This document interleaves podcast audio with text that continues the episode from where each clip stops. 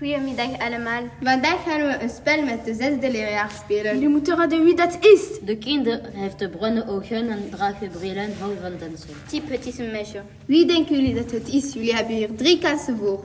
Nu gaan we naar de volgende persoon. Dat kind heeft krulle haren. Bruine ogen. Tekent goed. Typ, het is een jongen. Dank u om mee te spelen in deze radiospel.